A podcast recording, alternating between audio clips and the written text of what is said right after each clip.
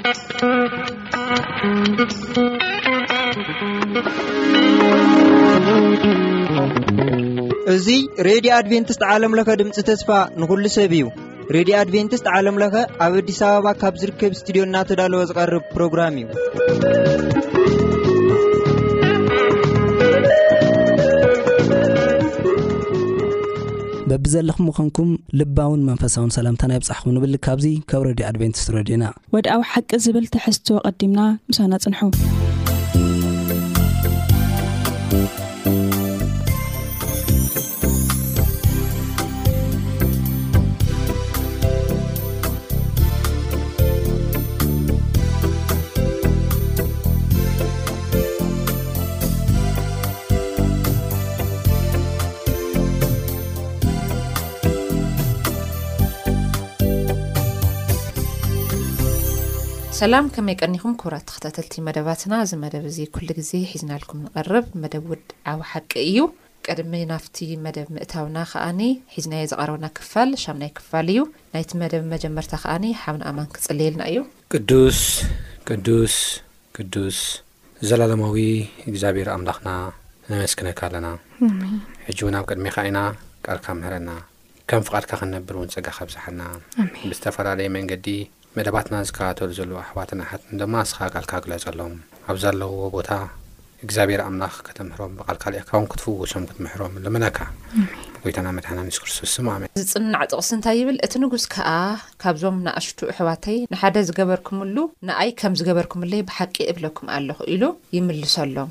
ልቋስ ሓሙሽተ ካብ ዓሰርተ ሸውዓተ ክስካብ ዕስራን ሽዱሽተን ከይድና ክንርእ ከለና ንዝተጸገሙ ኣገልግሎት ይድብል። ሓድሓደ እዋን እግዚኣብሔር ካልኦት ሰባት ክሕግዙና ከምኡ እውን ንሕና ንካልኦት ክንሕግዝ ይገብር እዩ። ከምዚ ዝመሰለ ተግባራት ኣሸጋሪ ግና ኸኣ ጠቓሚ ክኸውን ይኽእል እዩ።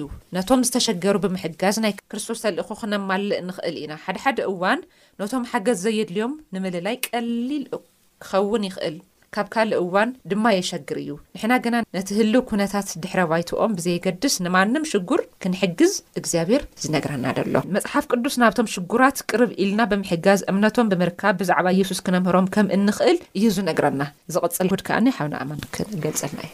ብዛዕባ መጻጉዕ ሰብኣይ እዩ ዝዛረብ። መጻጉዕ ክበሃል ከሎ ዝኾነ ኢዱን እግሩን ዘይሰርሕ ሽባ ዝኾነ ሰብ ማለት እዩ ሕጂ እዚ ሰብ እዚ ምናልባት ቅድመ ባይትኡ ወይ ድማ ድሕሪ ባይትኡ ኣይነግረናን እዩ ብጣዕሚ ግን ኣብ ዘሕዝን ኩነታት ከም ዝነበረ እዩ ዝዛረበና ዕሩኽ ነይሮሞ እምነት ኣዕሩኽ ነይሮሞ ብክርስቶስ ዝኣምኑ ናይ ክርስቶስ ፍቕሪ ዝደረኾም ዕሩኽ ነይሮሞ ይገርም እኮ እዩ ብጣዕሚ ዝገርም እዩ ዳሓር እዞም ሰባት እዚኦም እንታይ ኢሎም ተዘራሪቦም እሞ በቃ ዝዓርክና ኢንቨስት ጌርናሉ ምናልባት ዝተፈላለየ ክግበር ዝከኣል ነገር ጌርናሉ ኢና ግን ክሓዊ ይከኣለን ስለዚ ሓደ ግን ኣሎ የሱስ ዝበሃል እ፣ ብይሁዳ ብገሊላ ብናዝሬት ክሓልፍ ከሎ እናፈወሰ ዝሓልፍ ኮታስ ምዉት እኳ ዘልዐ እሞ ከዓ ናይ ፍቕሪ ጎታ ጎይታ ንማንም ዘየዳሉ ንድኻታት ዝፈቱ፣ ምስ ሓጢኣተኛታት ዝውዕል፣ ምስኦም ዝቐርብ፣ ዘይፈርድ፣ ምኽንያቱ ኣብቲ ግዜ እቲ ከምዚ ኢልካ ሸባ ኮይንካ ምሕማም፣ እቲ ሕማም ጥራሕ ኣይኮነን ዝቐትለካ፣ ኣብቲ ግዜ እቲ ዝነበረ ናይቲ ሕብረተሰብ ኣመላኻኽታ እውን እዩ ዝቐትለካ፣ ምኽንያቱ እዚ ሰብ እዚ ሸባ ዝኾነ ሓጢኣት ስለ ዝገበረ እዩ፣ በዚ ሰብ እዚ ኣዝዩ ዝጉሂ፣ ሕጉስ ዘይኮነ፣ ሰብ እዩ ነይሩ፣ ብዝኾነ ብድሓር ግን እዞም ሰባት ጽቡቓት ኣዕሩኽቲ ስለ ዝነበሩ፣ ብዛዕባ ክርስቶስ ከኣ ዝፈልጡ፣ ንየሱስ ክርስቶስ ከኣ ዝረኣዩ እምነት ኣዕሩኽ ስለ ዝነበሩ ግን እንታይ ገይሮሞ? ተሓባቢሮም ንዑ ናብ ክርስቶስ ንኹን በርባዕቲኡ መኣዝን ሒዞም ናብ ክርስቶስ ከም ዝወሰድዎ ኢና ንርኢ። ኣብቲ ግዜ እቲ ክርስቶስ ብጣዕሚ ብዙሓት ሰባት ብዙሓት ክበሃል ከሎ ብጣዕሚ ብዙሓት ሰባት ዝተጨናነቑ ሰባት ንክርስቶስ ንክሰምዑ ካብ ክርስቶስ ፈውሲ ደልዮም ብዙሓት ሰባት እዮም ከሂቦሞ ነይሮም ስለዚ ነዚ መፃጉዕ ሒዞም ዝመፁ ሰባት ብፍፁም ክኣት ይከኣሉን ነገር ግን ሓደ ነገር ኣሚኖም ነዚ ሰብዚ ዕጭኡ ነዚ ሰብዚ ታሪኩ ዝልውጥ ነዚ ሰብዚ ካብ መፃጉዕ እንደገና ከም እራብ ክጎይ ክገብሮ ዝኽእል ካብ የሱስ ወፃኢ ማንም የለን ፋይናል ዕድሉ እዚኣ ጥራሓ ኢሎም ሓሲቦም ካብ ዝተላዕለ እንታይ ኢሎም ሰብ እኳ መሊኡ እንተረኣየ ናብ ናሕሲ ደየቡ ይብለና መፅሓፍ ናብ ላዕሊ ደይቦም ነቲ ናሕሲ እንታይ ገበሩ ኣፍረስዎ ይብለና ናይ ሰብ እዩ ኣምላ ሰብ ኮይኑ እዩ ዘምህር ነይሩ ግን ኢንፋክት ወላ ተኽፍሉና ወላ ዕዳ ተኸፈልና ንሕና ክንከፍሎ ኢና ኢሎም እንታይ ገይሮም ኣፍሪሶሞ ሰብ ከይሰንበደ ይተርፍ ኣፍሪሶም ደሓር ብገመድ ገለ ገይሮም ሒዞም ኣቕሪቦም ኣብ ቅድሚ ኢየሱስ ክርስቶስ ኣንቢሮሞ ኣነ ዝገርመኒ ናይቲ መጻጉዕ እምነት ርእዩ ኮነ ዝብለና ኢየሱስ ክርስቶስ ናይዞም ኣርባዕተ ሰባት እምነት ርእዩ በቃ እቲ ሰብ እቲ ፈወሶ መሓሮ እቲ ሰብ እቲ ካብ መጻጉዕ ከም ምእራብ ናብ ሙጌሕ፣ ካብ ኣዝዩ ዲፕረስድ ዝኾነ ላይፍ ናብ ዝተነቓቕሐ ህይወት፣ ሪቫይቭ ናብ ዝኾነ ህይወት ከም ዝኣተወ ኢና ንርኢ ማለት እዩ። ብጣዕሚ ዝገርም ነገር እዩ። ርግጽ እዩ ከምቲ ዝኣመንዎን ከምቲ ዝሓሰብዎን ኢየሱስ ክርስቶስ ህይወት ዝልውጥ፣ ታሪኽ ዝልውጥ፣ ሕማም ዝፍውስ፣ መሓሪ ጎይታ፣ ንድኻታት ዝፈቱ፣ ዘይፈርድ፣ ንስኻ እኮ ከምዚ ስለ ዝገበርካ እኮ ኢኻ ሸባ ዝኾንካ፣ ስለ ቃለይ ስለ ዘይሰምዕኻ እኮ ኢኻ ዘይብል ጎይታ ኮይኑ እዮም ረኺቦምዎ። ዓቢ ስራሕ ድማ እዮም ክሰርሑ ርእዮምዎ። ሓጢኣትካ ተሰሪ ኢልካ ኢሎም ደው ኣቢሉ ዓቢ ተኣምራት ኣብ ማእከሎም ክሰርሕ ከሎ ኢና ንርእዮ እሞ እምነት ኣዕሩኽ ክንከውን ኣለና። ሎሚ ቅድም ኢላ ሓፍትና ሳሌም ዝተዛረበቶ ሓሳብ ኣሎ። የሱስ ክርስቶስ እውን ዝተዛረቦ እንታይ እዩ? ድኻታትስ ኣብ ማእከልኩም እዮም ኢሎም። ድኻታት ኣብ ማእከልኩም እዮም። ድኻታት ኣብ ማእ ሸእ ኣነስ ድኻ ኣይፈልጥን እየ ክንብልሲ ንኽእል ኢና። ሽጉራት ኣብ ማእከልና እዮም። ድኻታት ኣብ ማእከልና እዮም። ሕሙማት ኣብ ማእከልና እዮም። ንዕኦም እምነት ኣዕሩኽ ክንኮነሎም ይግብኣና እዩ። ናብ ክርስቶስ ዘምጽኡ እምነት ኣዕሩኽ ክንኮነሎም ይግባእ እዩ። ክንፍውሶም ክንምሕሮም ይግባእ እዩ ዝብል ሓሳብ እዩ ዘለኒ። ዝቐጽል ክፍሊ ከኣ ንሶኒ ሓፍትና እስከዳር ተቕርበልና እያ። እግዚኣብሔር ይባርኽኩም። መንገዲ ክርስቶስ ጥራሕ ዝብል ዘለዎ ሓሳብ እዩ። ኣብ ወንጌል ዮሃንስ ምዕራፍ ሓሙሽተ ካብ ሓደ ክሳብ ትሽዓተ ዘሎ ሓሳብን ኣብ ማርቆስ ሓደ ካብ ዕስራን ሰለስተን ክሳብ ዕስራን ሸሞንተን ዘሎ ሓሳብን ካብዚ እንታይ ኢና ንምሃር ኢሉ እዩ ጀሚሩ እቲ ትምህርቲ። ኣብቲ ኣብ ዮሃንስ ወንጌል ዘሎ መጥመቂ ቦታ ከም ዝነበረን ኣብኡ ክኣትዉ ተለዉ ሰባት ድሒኖም ከም ዝወጹን ግን ሓደ ናብኡ ሒዝዎ ዝኸድ ሰብ ዝሰኣነ ከም ዝነበረን ዝበኣሰ እዚ ከዓ እምነት ዕሩኽ የብሉን የብሉን የብሉን ናብኡ ሒዝዎ ክኸድ ዝኽእል ሰብ ዘይብሉ ሰብ ነይሩ ይብለና ክርስቶስ ኣብዚ እንታይ ገይሩ ነዚ ሰብ እዚ እንታይ ገይሩ ኣሎ ክንርኢ ተለና ካብ ምዕራፍ ሓሙሽተ ድሕርዚ ድማ በዓል ኣይሁድ ኮነ የሱ ናብ ኢየሩሳሌም ደየበ ገለ እናበለ ይቕጽል፣ ኣብ ምንቅስቓስ እቲ ማይ ጸቢብ ብዙሓት ሕሙማት ዕዉራትን ሓንካሳትን ድኑሳትን ይቅደሱ ነበሩ። እንኣ ሓንሳእ ሓደ መልኣኽ ናብታ ቃላይ ወሪዱ ነታ ማይ የንቀሳቕሳ ነበረ እሞ እቲ ቅድም ወሪዱ እናተንቀሳቐሰ ማይ ዝኣተወ ካብ ሕማም ዘበለ ኩሉ ይሓዊ። ሰላሳን ሸሞንተን ዓመት ዝሓመመ ሰብኣይ ከኣ ኣብኣ ነበረ። ኣብኣ እኮ እዩ ነይሩ ኣብታ ጥቓ እታ ማይ ዘላታ ቦታ ዝወስዶ። ብሰንኪ ኣምጺኡስ ወርዊሩስ ናብታ ማይ ዘእተዎ። በቃ ናብታ ማይ ዘእተዎ። ሰላሳን ሸሞንተን ዓመት። ሰላሳን ሸሞንተን ዓመት። ከም ዝነበረ፣ የሱስ ድማ ነዚ ደቂሱ ምስ ረኣዮ ነዊሕ ዘመን ምሕማሙ ፈሊጡ፣ ክትሓዊዶ ትደሊ ኢኻ? ኢሉ ከም ዝሓተቶ ንርኢ። ከኣ ጐይታ፣ እቲ ማይ ምስ ተንቀሳቐሰ፣ ናብታ ቀላይ ዘውርደኒ ሰብ የብለይን፣ ኣነ ኽሳዕ ዝመጽእ ድማ ኻልእ ቐዲሙኒ ይወርድ ኢሉ መለሰሉ። የሱስ ከኣ፣ ተንስእ፣ ዓራትካ ኣልዕል እሞ ኪድ በሎ። እግዚኣብሔር ይመስገን ናብቲ ማይም እውን ምኻደ የድለዮን ምንም እም ክወርዲ ከለዉ ሒዝዎ ዝኸይድ ሰብውን የድልዮን ኣብኡ እናሃለዎ ከም ዝፈወሶ ክርስቶስ ይነግረና ኣብ ማርቆስ ዘሎ ኣብ ምዕራፍ ሓደ ዘሎ ሓሳብ እውን ክርስቶስ ኣብ ቤተ መቅደስ እናምህረ ከም ዝነበረ ኣብ ጸሎት ነይሩ ድሕሪኡ የምህር ነይሩ ድሕሪኡ ግን ሓደ ኣብቲ ጸሎት ዝገብርሉ ዝነበሩ ሰባት ብሰይጣን ተተሓዘ ሰባት ነይሩ ንምንታይ መጺኻ ገለ ክብሎ ከሉ ንርኢ ታይ ክትገብር መፂኻ ኢሉሲ ድሕሪኡ ግን ካብ ንሱ ኸዓ የሱስ ናዝራዊ ምሳኻሞ እንታይ ኣለና ክተጥፈኣና ዶ መፂኻ ኢሉ ክሓቶ ከሎ ኣታ ናይ ኣምላኽ ቅዱስ መን ምዃንካ ፈሊጠ ኣለኹ እናበለ ጨደረ የሱስ ኸዓ ስቕ በል ካብኡ ውን ውፃእ ኢሉ ካብኡ ውን ከም ዘውፀኣሉ ኣብዛ መዓልቲ እዚኣ ኸዓ እግዚኣብሔር ሰንበት ከም ዝነበረት መዓልቲ ሰንበት ከም ዝነበረ ውን ይነግረና ካብዚ ሓሳብ እዚ መንገዲ ክርስቶስ ጥራሕ ዝብል ሓሳብ እዚ ሓሙሽተ ዝተቐመጡ ሓሳባት ኣለውና ሓደ፣ ንሕና ምስቶም ጽጉማት ሰባት ክንላለን ክንተሓዋወስን ኣብ ምፍታሕ ጸገማቶም ምእንታን ክንካፈል ክንፈልጦም ይግብኣና። ነቲ ክርስቶስ ነቲ ኣብቲ እዋን ዝነበረ መጻጉእ ዝገበረሉ ኣስተብህሉ። ክርስቶስ ኣብኡ ምስቶም መጻጉን ሕሙማት ድኑሳት ዕዉራትን ጸማማትን ዝርከብዎ ብዙሕ ህዝቢ ኣብ ማእከሎም እዩ ዝነበረ። እያንዳንዱ ሕድሕድ ናይ ክርስቶስ መንገዲሲ ምኽንያት ነይርዎ። ብታ ዝሓልፈላ መንገዲ ኩሉ ብዘይ ስራሕ ኣይኸድን። ክሰርሕ እዩ ብተን መንገድታት ዝሓልፍ ነይሩ ክርስቶስ። ንኡ ክረኽቦ ከሎ እውን ብስራሕ እዩ። ንኡ ብቻ ኣይኮነን ፈዊሱ ብዝኸዶ ኩሉ እቶም ይፍውስ እዩ ነይሩ። እና ካልኣይ ሓሳብ ከዓ ርሕራሔ ክነርእዮም ይግበኣና። እዚ በዳሂ ክኸውን ዝኽእል እዩ። ከመይሲ ሓድሓደ ሰባት ነቶም ደሓር ክጥቀምሎም ዝደልዩ ሰባት ኣቐዲሞም ሕያዎት መሲሎም እዮም ዝቐርብዎም። እግዚኣብሔር ካብ ሃብታም ካብ ማንም ምንም ነገር ከይተጸበና ርሕራሔ ክነሪኦም እዩ ዝነግረና ን ዘድልየና ይብለና ሳልሳይ ንጸገማቶም ድሌታቶም ምምላእ ክርስቶስ ድሌታቶም እናማልኣሎም ክኸድ ምግቢ ኣብ ዝሰኣንሉ ምግቢ ክህቦም ከሎ ንብዙሕ ዓመታት ማለትሲ ንብዙሕ ግዜ ተሸኪሞምዎ ዝነበሩ ነገር እውን ካብኡ እውን ከናግፎም ከሎ ኢና ንርኢ። እቲ ራብዓይ ድማ ስጉምቲ ተኣማንነት ምርካብ እዩ።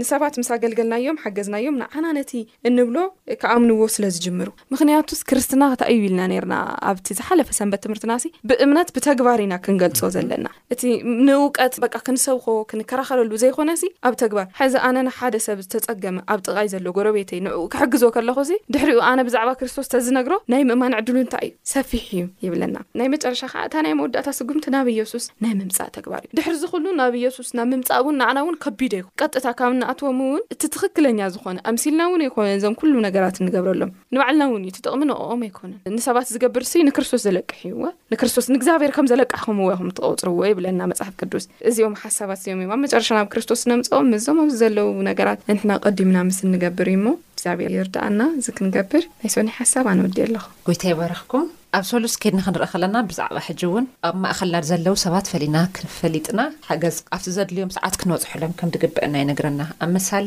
ዕስራን ሓደን ክልምነካ ከሎ እንተ ደኣ ተዘይሰሚዕካዮ ክትልምን እንከለኻ ብግልጺ ኣይሰምዐካን ፈጣሪ ይብል። ስለምንታይ ደይብልና ጎደሎ እንድዩ ኣበይ የለን ኣብ ኢድና ክንብል ንኽእል ኢና የሱስ ቀዲመ ነጊረኩም ነይረ ክልተ ዓሳ ሰለስተ ዳቦ ሒዙ እንታይ ገይሩ ክራይሲስ ኣጋጢምዎ የሱስ ዝኣክል እታ ዘላ ግን እንታይ ገበራ እዩ ድብል ካብ እንዳ ጴጥሮስ ኽዱ እንጀራ ኣምጽኡ ካብ እንዳ ማቴዎስ ኽዱ እዚ ገዛ እዚ ተለቅሑ ካብ እንዳ ዘኪዮስ ኽንዲ እዚ ሽሕ እንጀራ ኣምጽኡለይ ኣይበለይ ንላዕሊ ኣልዒሉ ጸለየ እዩ ድብል ክንዱ ዝኣክል እምነት ኣብዚ ምድሪ እዚ እንተ ዝርከብ ብጣዕሚ ጥዑም ነይሩ ዓበይቲ ፈተናታት ዝኾንና ደለዉ ለዚኦም እዮም። በረከት ክንረክብ ደይከኣልናሉ ነጥቢ ማለት እዩ። ኣብቲ ናተይ ክፋል ለቕረቦ ከኣ እንታይ ይብል ስደተኛታት ካብ መረበቶም ዝተፈናቐሉ እንታይ ምግባር ደሃይ ምግባር ይብል።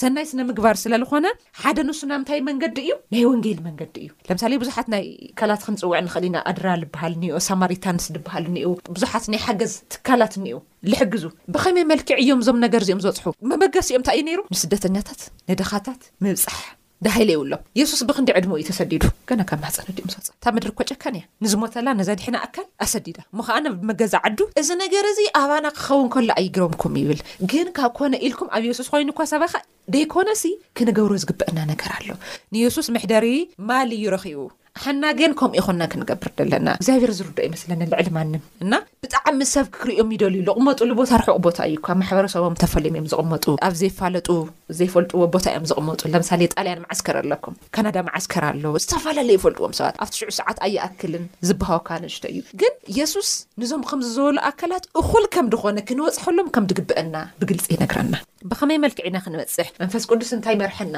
ታይ ይፈቅድ ኢልና እተ ኣንቢብና ማቴስ ወንጌል ክልተ ካብ ዓሰርተ ሰለስተ ክሳዕ ዓሰርተ ኣርባዕተ ኬድና ክንርኢ ከለና ንዓርሱ ተሰዲዱ ነይሩ ታይ ግን መፍትሒ ገይሮም በቃ እተን መንገዲ ንሰን ተጠቂሞን ቆልዓ ስለ ልነበረ ኣቦ ኤዱ እዮም እቲ ነገር ንሱ ሰሪሖሞ ግን የሱስ ምስ ዓበየ እንታይ ክገብር ኣይከኣለይ እቲ ዝጨነቆ ህዝቢ ሱቅ ኢሉ ክሓልፍ ኣይከኣለን ስለዚ ንሕና ታይ ክንገብር ኒኤና ከም ክርስትያናት እሶም እዮም ዶም በሊጾም ተረኪቦም ልለው ግን ታይ ክከውን ኣለዎ እዚ ናይ መጀመርያ ናይ ወንጌል መንገዲ እዩ እዚ። ሰባት ክንበጽሖሎም ከለና ሰባት ኣብቲ ደካማ ጎኖም ሕጂ ለምስ ብኢፕሊፕሲስ ብዙሕ ሰብ እዩ ዘጋጥሞ ልኾነ ነገር ይጉዳእምና ክተልዕሎ ገለ ከለኻ ሰብያ ታይ እዩ ልፈልጥ ከምዚ ክጉዳእ እየ ክሓልፈኒ እዩ ልብል እስኻ ግን ኩሉ ነገር ገዲፍካ ድኻሙ ክትሰምዕ ውርድ ክትብል ከለኻ ምኽንያቱ ልሰምዕ የለይ ልሕግዘካ የለይ ልርእየካ ኣካል የለይ እና ኣብቲ ሽዑ ሰዓት ትትገብሮ ነገራት ግን ይብል ባይዘወይ ንየሱስ ካብ ምንም ልዕሊ ኣይነወዳድሮ ንገብሮም ሰናይ ስነምግባራት ምስ ካልኦት ኣይንወዳደር እቲ ንሕና ንገብሮ ነገር ንእግዚኣብሔር ብቑዕ እዩ ነሱ እንዳፈለጥና እታ ክንገብር ኣለና ስደተኛታት ካብ መረበቶም ዝተበተኑ ሰባት ታይ ይብል ኣብትሕቲ ኢልካ ናይ ፖለቲካ ፀገማት ዕንቅፋት ክኾኑኹም ይኽእሉ እዮም ኢሉ ግን ከመድላይነቱ ብጥበብ እንታይ ግበርዎ ነቶም ካብ መረበቶም ዝተፈናቐሉ ሰባት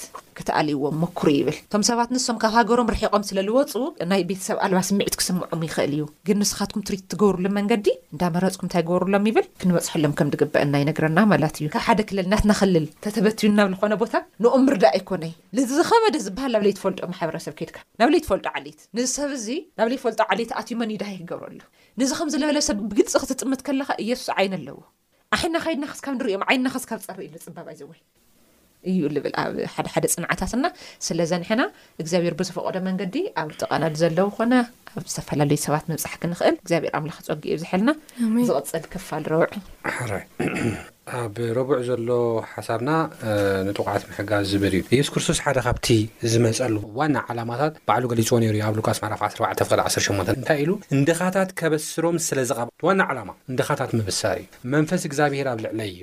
ንዕዉራት ምርኣይ ንግፉዓት ከኣ ምውጻእ ሓራ ክሰብኽ። ቀብኣኒ ወይ ድማ ልኣኸኒ ይብል ኢየሱስ ክርስቶስ። እቲ ዋና ሓሳቡ እቲ ዋና ተልእኾ ናይ ክርስቶስ ኴንና ኣብ ንርእየሉ እዋን እዚ እዩ። ንድኻታት ምብሳር፣ ንጥቑዓት ምሕጋዝ፣ ንዝሓሙ ምፍዋስ፣ ቅድም ኢላ ሓፍትና እስከዳር እናተዛረበት ጸኒሓ። ብዝኸዶ ኩሉ እናፈወሰ እዩ ዝኸይድ ነይሩ፣ ብዝኸዶ ኩሉ እናምሃረ እዩ ዝኸይድ ነይሩ፣ ብዝኸዶ ኩሉ እናጸናንዐ እዩ፣ ብዝኸዶ ኩሉ ኣጆኹም ተስፋ እናሃበ እዩ ዝኸይድ ነይሩ እሞ በዚ መልክዕ እዚ ድማ ብዙሓት ኢየሱስ ክርስቶስ ኣብዚ ምድሪ ብምንባሩ ከም ተባረኹ ይባረኹ እውን ከም ዘለዉ ክሳዕ ሕጂ እዩ ዘርእየና ማለት እዩ። ስለዚ ንሕና እውን ኣስኣስር ክርስቶስ ክንስዕብ ኢና ተጸዊዕና። ኣብ ማቴዎስ ምዕራፍ ዕስራን ሓሙሽተን ዝተዋህበና ጥቕሲ ኣሎ። ኣብ ማቴዎስ ምዕራፍ ዕስራን ሓሙሽተን ካብ ሰላሳን ኣርባዕተን ክሳብ ኣርብዓ ከድና ኣብ ንርእየሉ እዋን እንታይ ኢሉ ኢየሱስ ክርስቶስ ባዕሉ ክዛረብ ከሎ ጠምየ ኣየብላዕኹምንን፣ ጸሚኤ ኣየስተኹምንን፣ ዓሪቐ ኣይከደንኩምንን፣ ተሸጊረ ኣይረኣኹምንን፣ ሓየመ ኣይረኣኹምንን፣ ኣይሓተትኩምንን ኢሉ ክዛረብ ከሎ ኢና ንሪኣ ኣብዚ መጽሓፍ ቅዱስ እዚ ማለት እዩ። ሓደ ንሶም ይብልዎ እቶም ኣብ መወዳእታ ግዜ ከም ፍቓድ ርእሶም ብምኻድ ዓባማ ዕማጽ ዝኸዱ ሰባት እንታይ ይብሉ፣ ጐይታይ፣ መዓስ ጠሚኻ ርኢናካ እሞ ኸነብልዓካ? መዓስ ጸሚእኻ ርኤናካ እሞ ኸነስተየካ? መዓስ ዓሪቕካ ርኤናካ እሞ ክንከድነካ? መዓስ ሓሚምካ ርኢናካ ኽንሓተካ? ኣይረኣናካ ኢሎም። ሕጂ ርኢኺ፣ እዚኦም እንታይ ዓይነት ሽግር ነይርዎም ማለት እዩ። ኣብ ዝሓለፈ ክንዛረብ ከለና ብዛዕባ ብጻይ ክንዛረብ ከለና፣ እቲ ብጻይነት ናቶም ስኮፕ ጸቢብ እዩ። ዘመዶም፣ ሓዎም፣ ወይ ድማ ዝኾነ ህቡብ ሰብ ተኾይኑ ክረድኡ ይኽእሉ እዮም ማለት እዩ። ከምኡ ዓይነት ሰባት እዮም ነይሮም እዞም ሰባት እዚኦም ግን የሱስ ክርስቶስ እንታይ ኢሎም ኣቱም ገበርቲ ዓመፃ ካባይ ርሓቑ ከቶ ኣይፈልጠኩምን እየ ኢሎም ብፍፁም ኢሉ ክኹኖም ከሎ እዚ ተቕቡልነት የብሉን ስቲልናው ርድኢቶም ፅቡቕ ኣይኮነን ኢሉ ቻው ክብሎም ከሎ ኢና ንርኢ እቶም ንየሱስ ክርስቶስ ከዓ ኣቱም ናይ ኣቦይ ብሩኻት እዩ ዝብሎም ኣቱም ናይ ኣቦይ ብሩኻት ንዑ እግዚኣብሄር ካብቲ ናይ መጀመርያ ዘዳለወልኩም ንዑ ውረሱ ክብሎም ከሎ ኢና ጸምየ ኣብሊዕኹምኒ፣ ጸሚኤ ኣስቲኹምኒ፣ ዓሪቐ ድማ ከዲንኩምኒ፣ ኣብ ዝሓምኩሉ ግዜ ድማ፣ ጐይታይ መዓስ ርኢናካ፣ ጐይታይ መዓስ። ከዲንናካ፣ መዓስ ኣብሊዕናካ፣ መዓስ ኣስቲናካ ክብልዎ ከለዉ፣ ኣብኣ ዝመለሰሎም ቫይታል ነገር ኣላ። ካብዚኦም ኣብ ማእከልኩም ዘለዉ፣ ቅድም ኢለ እተዛረብክዋ ነገራት፣ ድኻታት ኣብ ማእከልኩም እዮም ኢሉ ነይሩ። ካብዞም ንኣሽቱ ኣብዚ ማእኸልኩም ዘለኹም ንሓደ ዝገበርኩምሉ ንዓይ ከም ዝገበርኩምለይ እዩ ይብለና ማለት እዩ። ስለዚ ኢየሱስ ክርስቶስ ኣስኣሰሩ ክንስዕብ ጥራሕ ዘይኮነ ንደሊ ኣነ እየ ይብለና። እቲ ትርእይዎ ዘለኹም ፈቖዶ ኣስፋልት ጠምዩ ዓሪቑ ወዲቑ ዘሎ ብድሕሪኡ ኣነ እየ ዘለኹ። መልክዐይ እዩ ኣብኡ ዘሎ። ኢንፋክት ማንም ሰብ መልክዕ ክርስቶስን ምስሊ ክርስቶስን ዝሓዘ እዩ። ነቲ ኣብ ዘፍጥር ምዕራፍ ሓደ ፍቅድ ዕስራን ሽዱሽተንሲ ከም መልክዕና ብምስልና ሰብ ንግበር እዩ ሰብ ከም ዝገበረ እዩ ዛረበና ስለዚ ኣብ ኩሉሲ መልክዐይ ኣሎ ኣብ ኩሉስ ምስለይ ኣሎ ብምስለይ እተፈጥረ እዩ ዋት ኤቨር ዓማጹ ክኸውን ይኽእል እዩ እግዚኣብሔር ጻርፍ ክኸውን ይኽእል እዩ ግን ክንረድእ ክንበጽሕ ከም ዘለና እዩ ዘርእየና ማለት እዩ።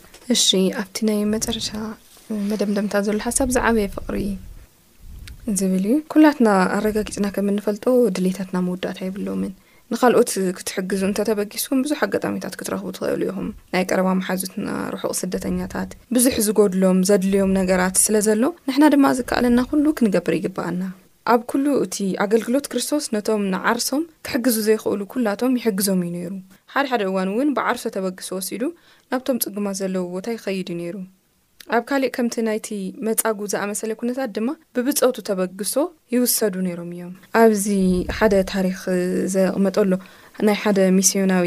ቅድሚ እሱ እንተ ንምግባርና ግን ሰብ ንህይወቱ ኣብ ክንዲ ኣዕሩኹ በጃ ከሕልፍን ካብዚ ዝዓቢ ፍቕሪ ድማ የለን ይብል ኣብ የውሃንስ ወንጌል ዓሰርተ ሓሙሽተ ዓሰርተ ሰለስተ ካብዚ ዝዓቢ ፍቕሪ እውን የለን ወይም ድማ ሓደ ሰብሲ ፍቕሪ ዝገልጸሉ መንገዲሲ ሰብ ንህይወቱ ኣብ ክንዲ ብጻዩ ወይ ኣብ ክንዲ በቃ ኣብ ክንዲ ሰብ ኩሉ ሰብ ብጻይና እንዲ ኣብ ክንዲ ብጻዩ በጃ ዝሓልፍ ሰብሲ ካብዚ ዝዓቢ ፍቕሪ የለን ክብል ንርኢ ናይቲ ሚስዮናዊ ሓሳብ ክንርኢ ተለና ሓደ ሚስዮናዊ ቤተሰብ ኣብ ትሪንዳድን ቴብጎን ንሽዱሽተ ዓመት ኣገልገሉ ኣብተን ቀዳሞት ሰለስተ ዓመት ኣብቲ ብበዝሒ ሙስሊም ተኸተልቲ እምነት ሂንዱን ዝነበርሉ ከባቢ እዮም ዝነብሩ ብዙሓት ካብቶም ሂንዱ ድማ ክርስትያናት ኣብቲ ዓመታዊ ዝገብርዎ ንግደት ኣይሕወስን እዮም ዝብል ቅርሕንቲ ነይርዎም ሓደ እዋን እዞም ሚስዮናውያን ኣብቲ ናይ ሓደ ሂንዱ ንግደት ተኻፈሉ፣ ነዚ ድማ ንናይ ክርስቶስ ኣብነት ብምስዓብ እዮም ዝገበርዎ። ንሱ ገለ ካብቶም ፈተውቱ ኣብ ዝገብርዎ በዓል ተዓዲሙ ይኸይድ እዩ ነይሩ። ክርስቶስ ንሕና ሕዚስ ሓደ ሓደ ብጣዕሚ ጌጋ ርድኢት ኣለና ኢለ ዝሓስቦሲ፣ እቶም ዓዲ ዝመርሑ ሰባት፣ ሃፍታም ሰባት፣ መንግስቲ ኣምላኽ ከም ዝግብኦም ጌርናስ ኣይንሓስብን። ቶታሊ በቃ ከም ዝተረፉ ኢና ንሓስቦም። ግን እሶም ንኦም እውን ወንጌል ምንጋር፣ ንኦም እውን እቲ ሰናይ ዘበለ ኩሉ ብምርኣይ ናብ መንገዲ ክርስቶስ ምምጻእ፣ ናብ መንግስቲ ኣምላኽ ምምጻእ ግን ንኽእል ኢና። ንኹሉ እዩ ሞይቱ፣ ክርስቶስ ንኹሉ እዩ፣ ንኦም እውን ይግበኦም እዩ። ክርስቶስ እዚ ክገብር ከሎ እውን ንርእዮ ኢና። ድኻታትም ከይዱ ድራር ምስኦም ክበልዕ ከሎ፣ ኣብ ዝተፈላለዩ ቦታታት ጆይን ክገብር ከሎ ንርእዮ ኢና። ክርስቶስ ን ድኻታትም እዩ ኣይኸድን፣ ን እዚኦም ካባይ ዝተፈልዩ እዮም ኣይኸድን ዝበለሉ ኣጋጣሚታት ኣይንርእይን። እና እዞም ሰባት እዚኦም ናይ ክርስቶስ እንትን ብምኽታል ከዱ ብፍላይ ድማ እምነት ህንዱይዝም ኣጋሽ ክመፁ ከለዉ ዝያዳ በረኸት ነቲ ዘተኣናግድ በዓል ቤት እዩ ኢሎም እዮም ዘስተምህር እስኪ እምበኣር ኣብዚ ሶም እዚ ንዕኡ በረኸት ንምዃን ሓደ ፈታዊ ንምርካብ ንፈትን ኢሉ ቻሌንጅ ዘዘጋጀዮ ኣሎ እቲ መደብ ወድዓዊ ሓቅና ኣብቲ ንነብረሉ ቦታ እንሕና ሲ ንኸይድ ዶ ብብዙሕ ዘከራኽር ሓሳብ ዋላ እኳ ተሃለወ ኣብቲ ኣይኣምኑን እንብሎም ሰባት ኣብ ጸገም ኣለዉ እንብሎም ሰባት ግን ምሳና ኣይሓብሩን እንብሎም ሰባት ብክርስቶስ ብምስዓብ ንሕና ንክርስቶስ ስዒብና ኢና ንሶም ንክርስቶስ ኣይሰዓቡን ንሕና ንባዕልና እውን ከምዝሓሸ ሰባት ቆፂርና ሲ ንካልኦት ኣንደርማይን ብምግባር ኣይንኸድን ኣይንሕወስን ንብለሉ ኣጋጣምታት ኣሎ ዶ ኢልና ውን ንባዕልና ክንርኢ እዩ ግን ክርስቶስ ኣብዚ ኩሉ ኣብ ኩሉ ገዛ ኣትዩ ኣብቲ ዘለዉ ውን ኣትዩ ኣብቲ ዘይብሉ ውን ኣትዩ ኣብቶም ዝፍወሱ ውን ኣትዩ ኣብቶም ሞይቶም ዝነበሩ ውን ኣትዩ።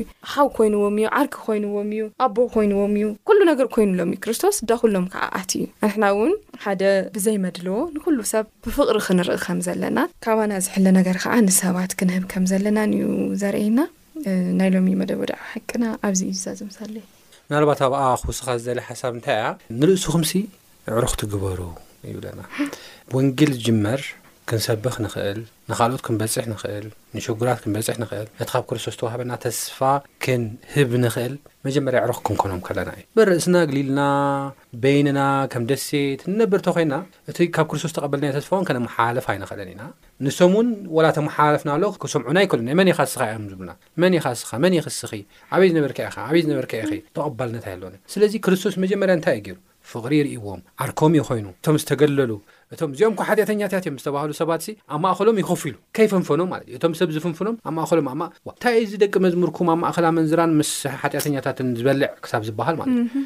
ኮፍ ኢሉ በቃ ፍሬንድሊ ኮይኑ ይበልዕ ምስኦም ይሰቲ ገለ እዩ ነይሩ ድሓር እዩ ተቐባልነት ምስ ረኸበ ልቦም መሰለስለሰ ተስፋ ድማ ዝተዛረቦ ድሓር ምስ ተዛረቦ ምስ ተዛረቦም ክፉት ኮይኑቲ ልቦም ከም ዝተቐብልዎ ሰዓብትውን ከም ዝኾኑ ኢና ንርኢ ማለት እዩሞ ዕርክቲ ብምዃን ዘድልዮም ነገራት ብምሃብ በቲ ዝከኣልና መጠን ብምሕጋዝ ኢናት ወንጌል እውን ክንሰብኽ ንኽእል ኣብ ትሪንዳድ እንተቤጎን ዝነበሩ ቤተሰብ እውን ከምኡ እዮም ኮይኖም መጀመርያ ዕርኽቶም እዮም ኮይኖም መጀመርያ ግብኦም ተቐቢሎም እዮም ተሓዊሶም መጀመርያ እዮም ተሓዊሶም ኣይሕወሱን እዮም እዚኦም እኮ ሂንዱይዝም እዮም እዚኦም ከምኡ ዝበሃል የለን ይሕወሶም ንጥቕሞም ማለት እዩ ንክንድልል ኣይኮነን ድለላ ኣይኮነን እዚ እቲ ናይ ክርስቶስ ተስፋ ናይ ምብፃሕ እዩ ስለዚ በዚ ክንከውን ኣለና ተባረኹ ዝነበረና ክፅቡቕን ጥዑምን ዘይውዳእ ናይ ህይወት ምንጭ ዝኾነ ቃል ክነዛተ እግዚኣብሔር ስለ ዝፈቐደ እግዚኣብሔር ኣምላኽና ዝተመስገነ ይኹን ዝነበረና ፃንሒት እዚ ይመስል ክብራት ሰማዕተና ጥያቄ ይኾነ ሓሳብ ብዝህለይኩም ባዶ ትሽዓተ ሰማንያን ትሽዓተን ሰብዓን ሸውዓተን ኣርባዓን ሓሙሽተን ቴስዓ።